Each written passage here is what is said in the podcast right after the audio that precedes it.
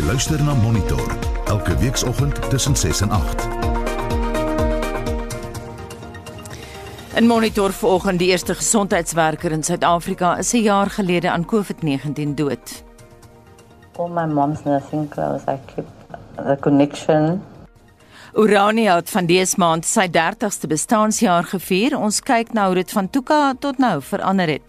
En president Ramaphosa het sy getuienis vir die Sondekommissie afgehandel. Ons kry reaksie op die afgelope 2 dae se onthullings en erkennings. En na 7 beoordeel ons die Amerikaanse president Joe Biden se eerste 100 dae in sy amp. American Jobs Plan will put engineers and construction workers to work building more energy efficient buildings and homes. We're going to decide what we do in terms of government providing for free education. That's why my American Families Plan guarantees four additional years of public education for every person in America, starting as early as we can. Goeiemôre, ek is Anita Visser. Baie welkom by Monitor. Heinrich Môre. Goeiemôre Anita. Beeld lê vanoggend as ons nou kyk na die nuusoorsig op sy voorblad met die berig Siddel teken politieke punte aan waarin politieke ontleeders aangehaal word oor die president se getuienis gister en eergister voor die Sonderkommissie na staatskaping. Hulle meen ten spyte van sy tekortkominge en vaaghede was sy verskyning goed vir die konsolidering van die demokrasie in Suid-Afrika, die grondwet en die oppergesag van die reg en dan 'n lekker storie ook op beeld se voorblad oor Suid-Afrika se Olimpiese en Paralimpiese atlete wat by die Tokio spele later vanjaar vellies as deel van hulle amptelike drag gaan dra. Nou ja, daai storie het ons al hoeveel dae gelede gehad. Ja, maar luister duidelik nie. Monitor nie. Die Ramaphosa berig verskyn ook op die burger se voorblad.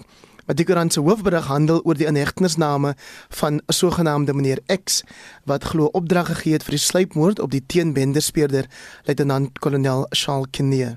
Drie ander verdagtes is ook vasgekeer. Ook Volksblad.com se belangrikste storie vandag is die berig oor die president se getuienis voor die Sonderkommissie.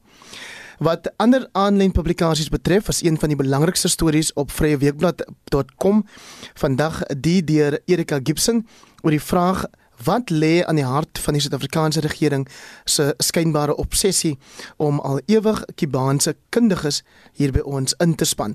En dan laat weet Nelia Rigter van die Landbouweekblad dat in hulle uitgawe van 6 Mei wat vandag op die rakke is, kyk die ekonom professor Johan Willemse na hoe hoër insetkoste aan boere se graanwins bly vreet. Drie jong Turke maak uitvoer na Afrika oop met 'n digitale verkoopsplatform vir vars produkte en jy kan ook lees hoe een van die slimste stroopers ter wêreld ontwerp is en eintlik die dingwerk vir jou oorneem.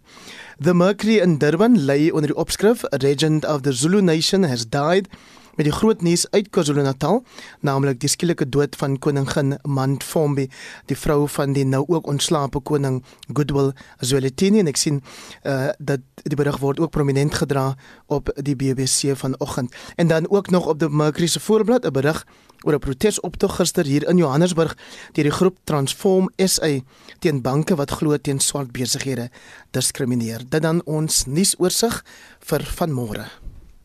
'n Digitale bemarkingsagentskap Reboot Online het onlangs 'n studie gedoen om te bepaal watter lande se burgers meer geneig is om sosiale media te los.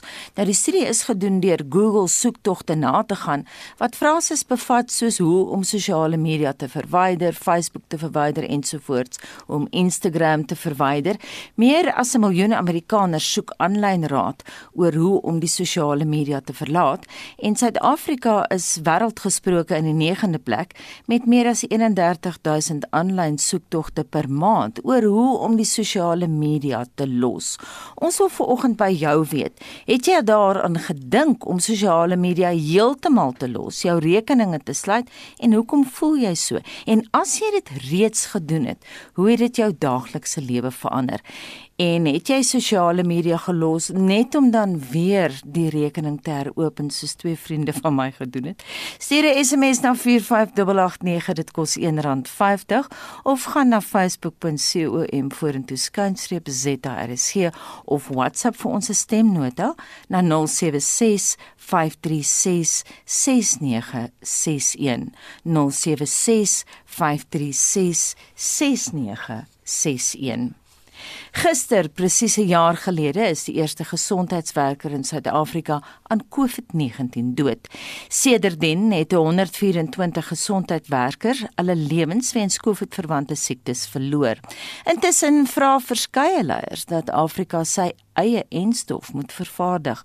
Anne-Marie Jansen van Vuren berig. Suster Petronella Benjamin het verlede jaar haar 40 jaar dienstydperk as verpleegster bereik. 'n Paar weke voordat sy sou aftree, het sy bronkietis gekry. Haar gesin het haar probeer oortuig om eerder tuis te bly en gesond te word, maar sy het gevoel haar medewerkers by 'n kliniek van die departement van gesondheid in die middestad van Kaapstad het haar nodig. Haar dogter, Alicia Maart, wat self 'n verpleegster is, sê niks kon haar ma van die hospitaal af weghou nie. Well, this is actually my mom's chalet. Um, Wear it. It's a, it's an honor for me to wear this every day. All my mom's nursing clothes, I keep the connection Benjamin se kleindogter, Marsha Klasen, sê die familie het T-hemde laat maak met haar ouma se gesig op, sowel as maskers om haar dood te gedenk. Intussen het politici en gemeenskapsleiers beklemtoon dat Afrika moet begin om hul eie entstowwe teen COVID-19 te vervaardig. President Ramaphosa het tydens 'n onlangse webinar gewaarsku teen enstofnasionalisme en die waarskuwing is kort daarna herhaal deur die Wêreldgesondheidsorganisasie se direkteur-generaal Tedros Ghebreyesus. We need countries and companies that control the resources that could save lives to share. That means sharing financial resources to fully fund the ACT accelerator, sharing vaccine doses to protect the most at risk, not just the most rich. It means all countries being transparent about their bilateral dose donations so we know who has what. And it means sharing technology, know how, and intellectual property Die DA se woordvoerder vir gesondheid, Siviwe Gwarube, het in die parlement gesê hulle steun die plan om entstowwe plaaslik te ontwikkel. We are always in support of the notion that since pandemics will become very much a part of our lives, that we would want to develop domestic capacity to being able to develop vaccines and other kinds of medical advancements. We also know that we have some of the best academics and experts in the country when it comes to this field. Maar die VF+ leier, Pieter Groenewald, sê hy is bekommerd dat die proses ook deur korrupsie gekaap gaan word. As ons net sien hoe die korrupsie en die wanbestuur plaasvind in staatsinstellings in Suid-Afrika, dan sal dit vir die res van Afrika net so 'n groot mislukking wees. As so iets onderneem word, moet daar gekyk word na private ondernemings wat wel die vermoë het om daardie farmaseutiese produkte te kan vervaardig. Dit sal die enigste manier wees hoe dit wel op die einde van die dag 'n sukses sal wees. Die verslag van Mercedes Besent in die parlement en ek is Anne Marie Jansen van Vuren vir SAK nuus. Die Noord-Kaapse dorp Orania het van dese maand sy 30ste bestaanjaar gevier. Die dag 6 April staan vir die gemeenskap bekend as Stigtingsdag. En ons praat nou met die uitvoerende hoof en woordvoerder van die Orania beweging, Joost Strydom. Goeiemôre Joost. Môre Anita, lekker om met julle te gesels. Ek was self as joernalis al op Orania, moet ek sê, met 'n kongres daar. So ek weet 'n bietjie hoe die dorp lyk. Maar uh, tref ons 'n vergelyking hoe die dorpie destyds gelyk toe jy daar ingetrek het en hoe lyk dinge nou? Ja Anita, as 'n mens terugdink aan Orania, hoe dit was 30 jaar gelede, dan moet mens dink aan 'n konstruksiekamp wat deur waterwese agtergelaat is. Dit is natuurlik die die die manne wat hier gewerk het om die Oranje rivier verstandhoudend te maak deur die damme te bou en die kanaalstelsels wat landbouontwikkeling hier in die omgewing gestimuleer het. Maar daai projek het nou gestop en die dorp het leeg gestaan. So mense kan jouself nou 'n spookdorp indink. Mm. Huise wat uitmekaar val, ehm um, waterpype wat nie werk nie, kragnetwerk wat nie ordentlik werk nie en so aan. En ehm um, professor Karel Boshoff het destyds hierdie hierdie van hierdie dorp te hore gekom. Toe was die Orania idee al 'n hele ruk aan die gang. Ons moet onthou die Orania idee kry sy oorsprong van 'n organisasie met die naam Sabra wat al wat al in die in die 50's al aktief was en ehm um, en uh, toe toe so advertensie vir hierdie dorp Orania in die Landbou Weekblad. Ehm um, en uh, die dorp is toe gekoop. Ons het tender ingesit in die dorp gekoop en van daar af het die bouwerk begin. Nou uh, gelukkig uh, almal weet Orania se filosofie is hierdie hele ding van selfwerk. Uh eie arbeid, so daar's ingespring en gewerk en gebou stadig aan die begin met min mense, maar soos wat die momentum ontwikkel het en mense wat aangetrokke voel tot tot 'n projek soos hierdie kultuurdorp, kultuurgemeenskap en mense wat bereid is om hard te werk na die gemeenskap toe stroom, kan ons nou 'n lyn trek na 2021 wat ons terugkyk 30 jaar gelede en sê wel nou 60 ons tersiêre opleidingsinstellings hier ons ons mediese fasiliteite brei baie vinnig uit uh, met met 'n klomp nuwe toevoegings nou van 'n bloedlaboratorium tot 'n tot 'n 'n radiografis tot 'n hele mediese span wat die hele omgewing ook help bedien. Mm. En so kan ons na 30 jaar sê Urania word toenemend 'n rolspeler in sy groter omgewing deur goeie dienste te lewer. Josef verwys na die suksesse. Watse foute het julle gemaak oor die jare dink jy? Nee, ek dink ons het ons tone 'n paar keer gestamp. Ons het um, ons het baie keer nie ehm um, uh, kon kon uh, oor klein klein goedjies inkom nie. Soos Afrikaners is dit ons hier en daar op maar uh, met mekaar verskil en 'n bietjie gestry. Maar op die ouende van die dag, selfs ons foute, dink ek dra by daartoe dat Uraniërs en Urania gemeenskap gevorm is tot iets konstruktiefs. Ehm um, ek dink die die geleenthede wat ons gehad het om juist uit daai verskille uit te leer ehm um, en en dit te verstaan het ons ook gehelp om weer met ander gemeenskappe te skakel sodat Urania ons sê altyd ons ondersteun die filosofie van 'n Suid-Afrika wat 'n gemeenskap van gemeenskappe is. Mm. En Urania reik ook uit na ander gemeenskappe. So daar het ons weer lesse lesse geleer wat eintlik in die in die langtermyn tot Urania se voordeel is en vir ons 'n groot voordeel is. Jy's met watter gemeenskappe het jy 'n skakeling? Uh, ongelooflik baie. Ons het met 'n hele paar internasionale gemeenskappe uit ons skakeling. Uh Khoza gemeenskap in Yemeni in die Oos-Kaap. Ons het met um, uh ons het onlangs die Indonesiese konsul-generaal in Urania ontvang. Ons het onlangs 'n Russiese afvaardiging in Urania ontvang. Enige iemand wat bereid is om te luister na ons idee van selfverantwoordelikheid neem op pad na groter mate van selfbestuur, ehm um, julle met die hele selfbeskikking droom, mense wat ook glo dat ons nie die verantwoordelikheid by politici kan los. Ons moet self inklim en en as Suid-Afrikaners vir hulle self suksesvol maak, dan moet hulle maar self die werk doen. Mm -hmm. Dis presies Urania se filosofie oor die afgelope 30 jaar. Jy sê praat nou van skakeling, jy het ook verwys na 'n Khoza gemeenskap, maar behels dit ook praktiese samewerking op 'n vlak? Ja, ons ry idees uit. Ek dink dis die groot ding. Ehm um, uh, Urania se hulpbronne spits ons natuurlik toe op die ontwikkeling van ons eie gemeenskap. Maar vir enige iemand wat wil hoor, is ons bereid om te sê ons het 'n plan. Die plan is gemeenskapsgebaseerde verantwoordelikheid. En dis ons ons suksesresept. Dis hoekom ons munisipaliteit werk, sy boeke klop en dis meer ons hou mekaar verantwoordbaar. Mm. Ons deel hierdie idee van eie grond, eie instellings en eie arbeid met daai gemeenskappe. Help hulle om praktiese goed te struktureer, goed soos ons ons ons ons eie gemeenskapsbank wat ons het en ons eie sakekamer. Uh, uh en die Urania beweging wat steen vir Urania werf internasionaal. So dit instellings en daai instellings kan gekloon word, maar moet natuurlik aangepas word vir gemeenskappe se spesifieke behoeftes. Nou ons het hierdie tyd van die oggend baie bruin Afrikaners wat luister na Monitor en RSG. Is hulle welkom op Orania? Dit is 'n vraag wat uh, natuurlik na twee kante toe gaan. Die een kant is voel daardie persoon in 'n Afrikaner kultuurgemeenskap uh uh 100% welkom is is uh is al die waardes wat ons nastreef taal kultuur geloof is dit regtig uh, wat wat wat hulle 100% nastreef of het hulle gemeenskappe waar hulle eie kultuur kan kan uitleef. Onthou dat Orania se fokus nog altyd op kultuur was. Die fokuspunt is kultuur. En ons skakel met sulke gemeenskappe en uh, wat ons baie keer by hulle self hoor is dat hulle sê wel ons en julle verskil, maar ons kan saamwerk. Hmm. Ons verskil nie sin dat ons dat ons verskillend na goed kyk. Ehm um, so die vraag wat mense moet vra is hoe gee mense hierdie mense ook die geleentheid om hulle eie kultuur ten volle uit te leef? Hoeveel inwoners het julle? Ehm um, die laaste sensus is in 2019 gedoen. Ons tans se sensus aan die gang. Ek kan met redelike vertroue sê dat ons al oor die 2000 inwoners is. En julle toekomsvisie?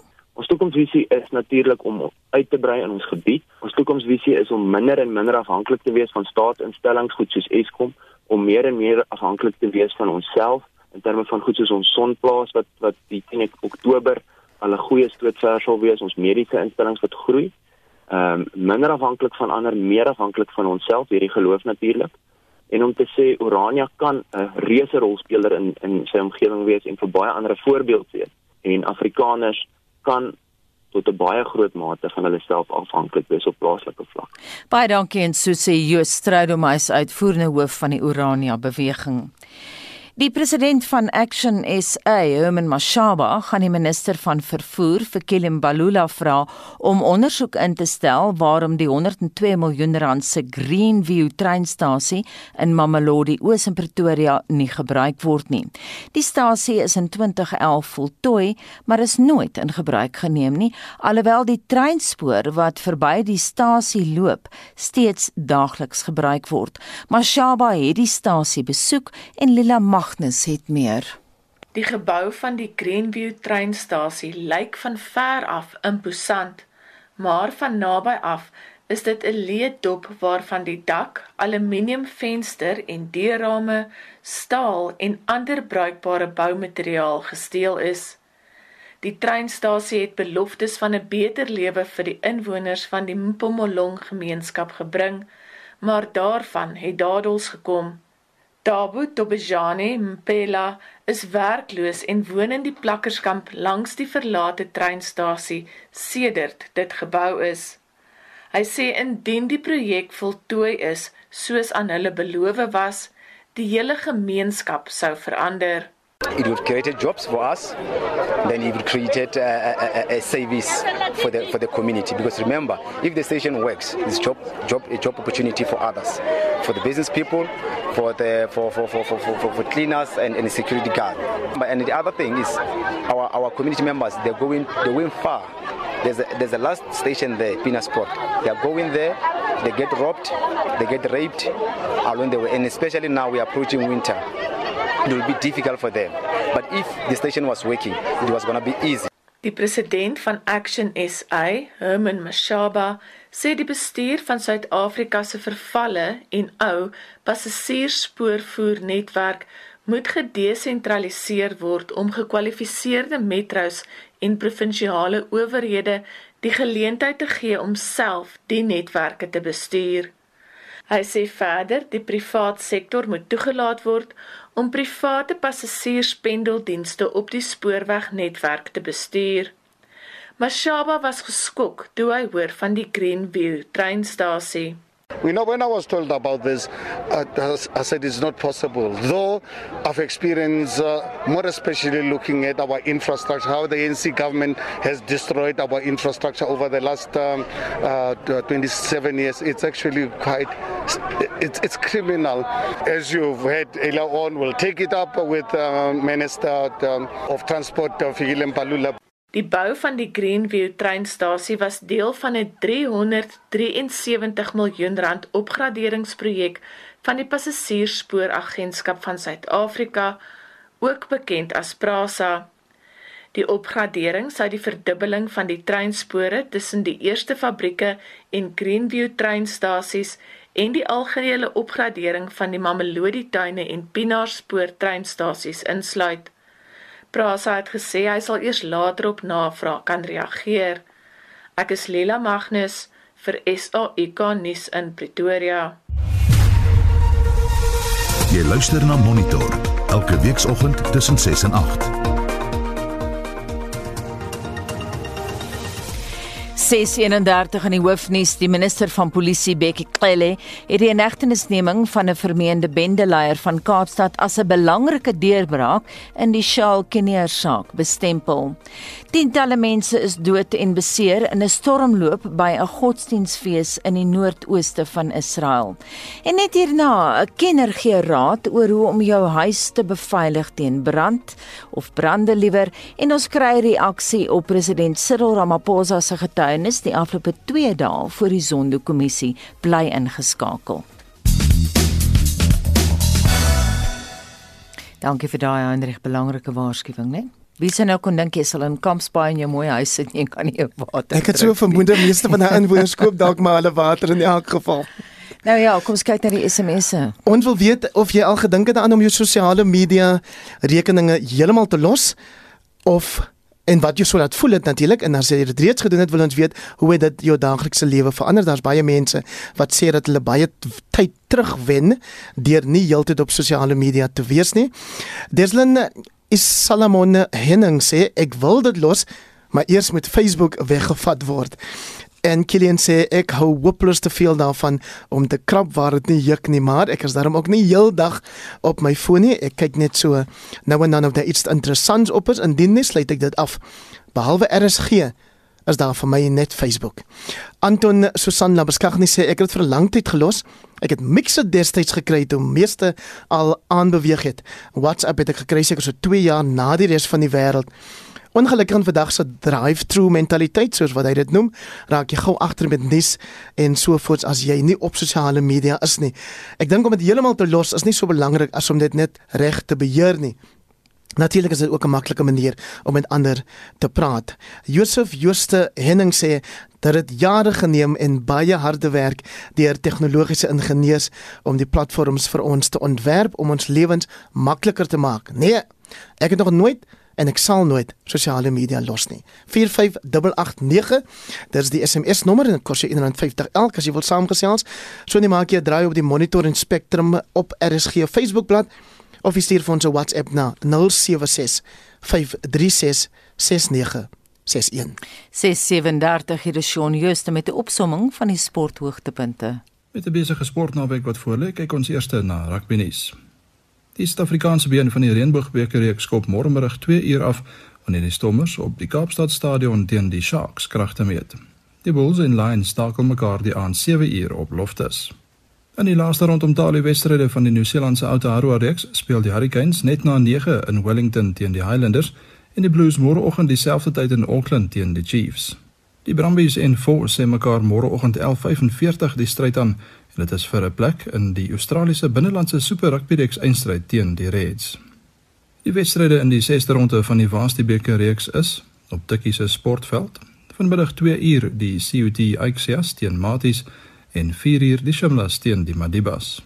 Dan op lofte is draf UJ vanmiddag 3 uur teen UWC, Tikkies 5 uur teen die UCT Aikies en die Noordwes Arende vanaand 7 uur teen Wits op die veldheid. Cricket. In gister se IPL wedstryde het die Delhi Capitals die Kolkata Knight Riders met 7 paaltjies vermorsel en is nou tweede op die punteleer op 10 punte, gelyk met die Chennai Super Kings wat 'n beter loopie tempo handhaaf. Die Mumbai Indians het die Rajasthan Royals ook met 7 baaltjies geklop met die Protea kaptein Quinton de Kock wat op 70 nie uit nie vir Mumbai geëindig het. Die Royal Challengers Bangalore en Punjab Kings pak mekaar vanmiddag 4uur met Bangalore wat weer die voortou op die punteleer kan inneem. Motorsport. Die Formule 1 en MotoGP seisoene word hierdie naweek in Portugal en Spanje onderskeidelik voortgesit. Die F1 spanne is van 4uur af op die baan terwyl die MotoGP wedren 2uur begin. Sokker. Die tellings in gisteraand se eerste been van die Europese liga halfeindstryde was Manchester United 6, Roma 2 en Villarreal 2, Arsenal 1. United is Sondag aand 06:30 weer in die Engelse Premier Liga teen Liverpool in aksie. In die DStv Premier Liga draf Maritzburg United vanmiddag 5:00 teen Marokko Swallows op die veldtyd. Môremiddag 3:00 kom Bloemfontein Celtic teen Kaizer Chiefs en Golden Arrows teen AmaZulu te staan. Orlando Pirates en Mamelodi Sundowns meet Sondagmiddag 3uur kragte. Op die tennisbaan het Suid-Afrika se Ryan Klassen en sy spanmaat van Japan Ben McLaughlin na die halfeindstryde van die Ope in Portugal deurgedring nadat hulle in 3 stelle met die Amerikaners Nicholas Monroe en Francis Tiafoe afgereken het. Kevin Anderson stap vandag in die kwartfinale van die enkelspel afdeling teen die 60-gekeerde Marin Cilic van Kroasie op die baan uit. Op die golfbaan is die plaaslike Keegan Bradley op 7 onder die voorloper na die eerste ronde van die Welspar Kampioenskappe in Amerika. Suid-Afrika se Brandon Grace is gesamentlik 28ste op 2 onder. Thorbjørn Olesen van Denemarke begin vandag se tweede ronde van die Tenerife Ope in Spanje in die eerste plek op 9 onder. Die Suid-Afrikaners, Gary Kego en Dean Burmester is gesamentlik tweede op 8 onder. Die plaaslike Jacques Blou het die voortou na die Sonskynreeks se Kaapstad oopgeneem en staan op 6 onder. En die plaaslike Leon Pace op 2 onder is die voorloper in die Johannesburg Vroue Ope met nog een ronde wat oorbly. Dan is die tweede ronde van die Vroue Wêreldkampioenskappe in Singapore ook reeds aan die gang. Suid-Afrika se Ashley Buy neem aan die toernooi deel. Onthou gerus dat Pieter van den Berg deur die loop van die dag verslag doen oor die toernooie. En laastens wens ons ook sterkte toe aan Akani Simbine en sy span wat Suid-Afrika oor die naweek in Pole by die wêreldafloskampioenskappe verteenwoordig. Ons atlete neem aan die 100, 400 en gemengde afdelings deel. Shaun Schuster, SAK Sport. Die aantal brande die afgelope tyd in Gauteng en die Wes-Kaap het die fokus geplaas op mense se veiligheid tuis. Watter maatreëls moet jy daarstel indien 'n brand in jou huis uitbreek? Ons praat ver oggend met die bestuurshoof van FireOps SA Wynand Engelbrecht. Môre Wynand. Môre Anita. Wat jou ervaring betref, dink jy Suid-Afrikaners neem moontlike brandgevare tuis ernstig op? Uh, ek dink in die algemeen is almal van ons dan seker omgewingsbewus. Met ander woorde, ons probeer dan seker ons eie lewens beskerm. Ek ek ek twyfel nie daaraan nie. Uh daar mag dalk uh hier en daar mag daar dalk onkunde wees en dit lei natuurlik baie keer tot lewensverlies. Maar in die algemeen dink ek die, die mense is oningelig nie, nee. As jy raad het vir mense, wat sou dit wees? Nie almal van ons uh, wat moet jy in jou huis hê om 'n brand te bestry? Moet ons nou almal gaan ekstra goed koop? Wat doen 'n mens? Nee, ek dink jy moet enigiets koop nie. Ek dink al wat 'n mens nodig het in jou huis is 'n ordentlike rookverklikker. En uh en as jy 'n ordentlike rookverklikker het, moet jy weet waar jy agterdeur. Met ander woorde, jy moet weet wat is hoe waartoe gaan jy as daar brand is? Mm. En nog belangriker, waartoe gaan die kinders? Want in die nag 3 uur is almal wakker skrik en daar's chaos in die huis dan jy nie tyd om kinders te tel nie. So as jy meer as 2 kinders het, jy waarskynlik 'n probleem. Kindertjies kruip onder beddens weg en hulle kruip by handkaste weg en jy weet nie waar om hulle te kry in daai kritieke oomblik nie. En 'n familie moet gesels oor hoe gaan ons uit die huis uitkom? Wat is die wat is die nooduitgang? Jy het nou gepraat van dis belangrik om brandverklikkers te hê. Het my nou 'n idee gegee met my eie huis. Dankie daarvoor. Maar in terme van oorsake van brande, Wynand, wat is die mees algemene oorsaak? Rook mense byvoorbeeld in die bed? is dit ja, iets ja, eenvoudig? Siek siek mense en ouer mense het het gewoonlik die probleem dat hulle ehm um, onverwags in die slaap raak waarskynlik en dan lê hulle dalk nog met 'n sigaret tussen die vingers. Maar dan is daar nou die elektriese probleme, veral met die kragonderbrekings. Ons ons stap weg van die stoof of ons ons klim in die kar en ons ry winkel toe en die en die krag kom weer terug aan. Uh die strykyster staan nog bo op die strykplank. En seker dit nog goedjies. Ehm um, en dan natuurlik in nalatigheid in die in die in die motorhuis, daar word uh kan 'n petrol aanhou en lappe met chemikalieë lê daar rond. Uh en die die lappe uh, ontbrand self baie keer met met sekere goed, jy weet. En so daar's 'n nalatigheid wat dit aanbetref, ja. Het jy enige praktiese raad vir luisteraars wat nou intens luister na hierdie onderhoud en dink wat kan hulle nou doen? Ja, hulle kan my bel en hulle kan advies kry by my. Dit jy as as jy weet nie voor jy nie geleer het nie. En as jy nie geleer het nie, wel dan kan jy niks oordra aan iemand anders ter nie. En uh, ek meen enigiemand is welkom om my te bel. Daar's te veel inligting wat mense dit in 'n kort program soos hierdie kan gee. Mm. En ek wil nie ek wil nie die inligting afskeep nie. Dit sal ook nie goed wees nie. Het jy dalk 'n e-posadres? My e-pos is wynand@opsterkie ding, nee, wynand@ Mhm. Mm Fireops SA, daar's twee S's. .co.za. OK, en dis alles klein letters. Al klein lettertjies ja. Laat ek hom net lees en dan sê vir my of ek korrek is Wynand. Dis Wynand by, dis nou opstert Fire Ops een woord S I so daar's 'n dubbel S daar.co.za. Baie dankie Wynand vir jou raad. President Cyril Ramaphosa het gister vir die tweede agtereen volgende dag vir die Sondekommissie oor staatskaping in Johannesburg getuig. Vir sy indrukke hieroor praat ons nou met professor Erwin Swela, dekaan by die skool vir sosiale innovasie by die Huguenot College op Wellington. Môre Erwin? Môre Anita en almal wat inluister. Jou oorhoofse indrukke van gister. Ek dink daar's baie dinge wat beïndruk in hierdie ehm um, goed gekoreograveerde en waarskynlik 'n poging tot opregte optrede aan die kant van die president. En ek sal dit verder invul deur te sê die president gee dan voortgesette en konstruktiewe optredes. Hy gee bewys van sy optredes om die legitimiteit en die gesag van al ons grondwetlike staatsdemokratiese instellings te bevorder. Dit is goeie ding. Die derde ding is dis baie duidelik dat daar baie kwaliteite is in die president se substantiëre strategie en ook sy kommunikasiestrategie. Ek dink so aan dat hy met baie kundige en bekwame raadgewers omring is en hulle adviseer hom oor die strategie wat sy styl die substansie en die aflewering betref. Mm. Dis baie duidelik dis 'n goeie strategie. Die president het beheer geneem, hy het 'n verklaring ingedien. In die proses het hy 'n paar pionne in plekke op die skaakbord opgeoffer en so neem hy dan beheer oor hoe die raming van die argument sal plaasvind. En dit is alles baie positief maar dis nou nie die einde van die verhaal nie. Ek wil juist by die inhoud kom. Kom ons wees spesifiek. Erwin, president Ramaphosa sê die ANC se versuim om staatskaping te ondersoek was nooit aspris nie. Jou reaksie daarop? Ja, ek ek lei mense nou wat 'n mens kan sê na al hierdie positiewe dinge wat 'n mens sê en behoort te sê om uh as dit ware erkenning daaraan te gee, kan 'n mens ook 'n hele aantal negatiewe dinge sê. Hierdie strategiese optrede ehm um, oortuig tog nog nie heeltemal na my mening nie. Want op 'n of ander manier lyk dit asof die verantwoordelikheid en moontlike aanspreeklikheid skuif na die stelsel toe. Mm. Na strukture toe.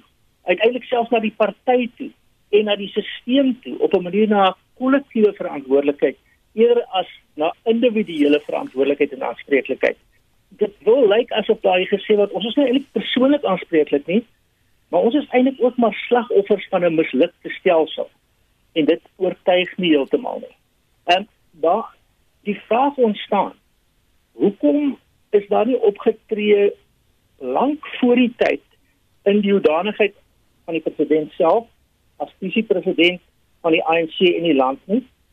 En dit sluit aan by die punt Anita. Hoekom word opgetree en dis vir my nogal 'n soort utilitêre, 'n gebruiksargument eerder as 'n morele argument.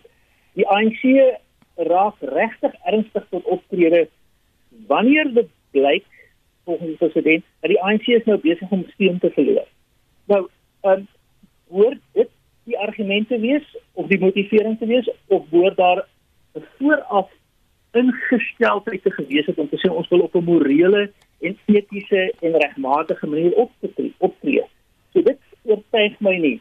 En die vraag wat dan ontstaan is is as die oorweging is dat ons optree nie uit 'n 'n soort geïntegreerde of geïnternaliseerde morele stel oortuigings nie, maar wanneer ons die prys begine betaal omdat ons steun verloor en ons dan moet skadebeheer doen, hoe gaan dit dan vir ons 'n aanleiding gee ons as lede van die publiek dat indien hierdie soort dinge weer gebeur en die ANC se mag weer gekonsolideer het, dat hulle nie doodgewoon maar weer so sal optree nie, want daar's nie werklike morele oortuiging nie. Dis 'n kwessie van dit is in ons belang om ons magposisie te bevestig en te behou, want ons verloor steun. So ek is nogal bekommerd oor die soort van argumentering uit 'n uh, op grond op grond van 'n morele stel. Mhm. Mm ek wil jy is nou net by daai moraliteit kom, maar intussen Erwin Ramaphosa het ook oor die gewraakte 2017 befondsing vir die presidentsiële veldtog gepraat, maar hy sê die fondsbestuurders het hom nie ingelig oor wie die skenkers was nie, want hulle wou nie hê hy moes hulle dank verskuldig gewees het nie. Is jy tevrede met daardie antwoord? Ons 'n lang geskiedenis uh, binne die ANC. Um, uh, ons weet byvoorbeeld van 'n uh, van 'n uh, van 'n eenheid wat gesetel was binne die die, uh, Letuli huis. Die die die die uh, eenheid was genoem die Progressive Business Forum wat oor baie jare geleenthede geskep het waar daar um, op sosiale geleenthede by by Denees en op ander uh, maniere met ANC leierskap geskakel kan word wat ook regeringsleierskap verteenwoordig het en dit dan gedoen is op grond van ehm, 'n um, vorm van betaling en dan kry jy 'n toewysing van 'n sitplek in die omgewing van invloedryke mense en dit het dan daartoe gelei dat daar uiteindelik waarskynlik 'n eerste vlak 'n eerste vlak van betaling was en tweedens miskien verdere onderhandelinge en dit voer op 'n manier invloed. Die president dink dit uh, het regtig probeer. Dit lyk asof daar genoeg aanleidings is daarvan om 'n soort brandmuur op te stel tussen skenkers vir sy ehm um, uiteindelike veldtog, maar terselfdertyd dat hy dan nie noodwendig gekompromiteer word deur daai skenkers nie. Nou hy hy beweer dit en as hy dit kan bewys, is dit 'n baie lofwaardige poging. Of dit heeltemal so uitgewerk het, is nog op hierdie stadium ehm um, onder oorweging en ek dink die jury is daarop uit. Maar ek dink ten minste is dit 'n is dit 'n poging om het, om dit te verklaar en te regverdig en ons moet kyk hoe oortuigend dit is en of dit standhou teenoor die feite. Die president het die indruk probeer skep dat staatskaping iets van die verlede is. Wat dink jy? Ja, ek dink uh, wat ek nou net probeer beredeneer het, as die president die party en die party in regering 'n soort nuwe morele stel oortuigings ehm um, uit wel uiteindelik wel ontdek het en dat hierdie hierdie optrede nou kom uit 'n baie sterk uh beginsel gebaseerde morele fundering. Dan het ons 'n moontlikheid dat staatskaping nie weer sal plaasvind. Nie as dit egter bloot gebaseer is op 'n stel nuttigheidsoorwegings om sodoende die skadebeheer behoorlik te bestuur en wanneer ons weer ons mag gekonsolideer het nou ja dan moet ons maar weer kyk. Dan is dit nie so oortuigend oortuig dat dit die einde van van van uh, staatskaping is nie. En miskien net nog 'n verdere bykomende punt. Die dilemma is dat daar is so 'n groot aantal lede van die ANC wat uiteindelik ook poste in die regering bekleed wat gekompromiteer is dat die vraag is of hulle staatskaping of op 'n ander manier die verdoeseling van staatskaping kan prysgee ten koste van hulle eie belang en posisies. Ehm uh, daar's van ons ander kollegas wat gesê het ons moet nou aanvaar baie van hierdie mense het geen alternatief nie. Uh hulle posisies binne die die staatsopset wat hulle verkry op grond van hulle politieke invloed is min of meer die laaste kans tussen hulle en hulle volgende maaltyd. Mm. Is daar vrae wat jy sou wou vra wat agterweë gelaat is, Erwin? Ja, as ek um, nou die getuienisleier was, ehm um, wat ek nou nie is nie, dink ek sou ek uh, baie definitief um, en ek dink dit mag nog gebeur. Daar's ook hier 'n interessante onderskeiding. Die president het hierdie twee dae getuig ehm um, vir die kommissie en geloofwaardigheid in die kommissie gegee wat ek reeds gesê het geloofwaardig is as die president van die ANC. En hy het konsekwent 'n interessante strategiese skuif gemaak om te sê daar sal nog 'n dag kom wanneer hy gaan getuig as die president van die land. En onthou as hy die president van die ANC is in 'n sekere sin het hy 'n mandaat en verteenwoordig hy die lede van die ANC. As hy die president van die land is wat getuig, dan verteenwoordig hy vir jou, vir my en vir Jan Koeman alle burgers. So ek ek sou graag as getuienisleier vir hom dan wanneer hy as president getuig, wou vra is hoe weeg jy die belange af en skat jy die belange in van die partybelange teenoor die land se belange partylede se belange teenoor al die mense van die land en inwoners en burgers van die land. En maak jy daai onderskeiding of is daar nog 'n stel nuttigheidsoorwegings wat sê die party is altyd prioriteit en ons moet ten alle koste die party in beheer hou van die ehm um, as dit ware die die die die skakelaars of die ehm um, hefbome van mag. Dit bly 'n groot kwessie. As ons nie kan uitkom daarbey dat die party die grondwet, die land en die land se burgers wo die party se belange en die party se lede belange stel nie, dan sal dit my nie verbaas as daar 'n groter gewaarskynlikheid is dat ons gaan terug regresseer in 'n soort van 'n nou ja, nie presies op dieselfde manier uitspelende staatskapingsgedrag nie, maar nog steeds vorme van perverse gedrag. Baie dankie en so sê professor Erwin Schwella dekaan by die skool vir sosiale innovasie by die Huguenot College op Wellington. 'n Tienermeisie van Pretoria, Jomin de la Rey, het met 'n navorsingsstudie bepaal dat die Ankoli beesras se horings gebruik kan word om hulle ouderdom te bepaal. Haar pa, Dr Morney de la Rey, is 'n veearts. Hy is deur president Cyril Ramaphosa gevra hoe die beeste waarmee hy boer se ouderdomme vasgestel kan word. Uh Gemini het die geleentheid aangegryp om navorsing daaroor te gaan doen ek het altyd nogal baie soos opgelees oor interessante goed. Toe my pa gekom het en hy moet nou bepaal hoe oud die Ankoli beeste is van hulle voer die Ankolies hy en president Cyril voer die Ankolies van Uganda omdat hulle sulke mooi en indrukwekkende horings het. Voer hulle na Kenia toe sodat hulle die embryos uit Kenia kan voer na Suid-Afrika toe om die Suid-Afrikaanse Ankolies se genetika te verbeter en uit te brei die rede hoekom die ouderdom baie belangrik daarvoor is, is dat ankolies tussen die ouderdom van 8 en 10 jaar die meeste embrio's gee. Toe my pa nou gesê het hy moet nou die ankolie beeste se ouderdom bepaal, toe onthou ek dat baie ander diere ringe op enige liggaamsdeel van hulle het, soos byvoorbeeld seeleeu's het ja ringe om hulle tande. En toe sien ek die ringe van die ankolies en ek was soos in maar kom ons stel hulle. So tel ek hulle, toe vat ek die ankolies nou eers wat by my pa se plaas is, want hulle het rekords op hulle gehad. Ons het geweet wat almal van hulle se ouderdomme was.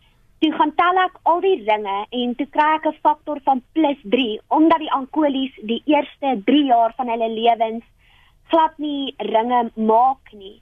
Maar op die ouend het ek toe uitgevind dat die ankolies die ringe wat nie gemaak word nie is dit net onder die haarlyn.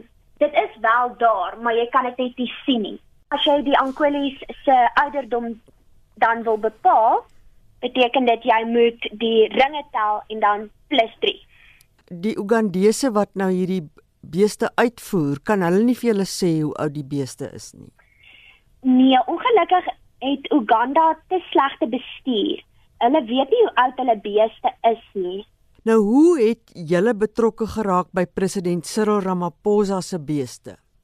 President Cyril het 'n groot liefde vir die beeste en daardie landboubedryf en hy het ook sy eie plaas met ankolies op. So hy wou graag gehad het dat die ankoliese genetika in Suid-Afrika net so goed sal wees soos die van Uganda.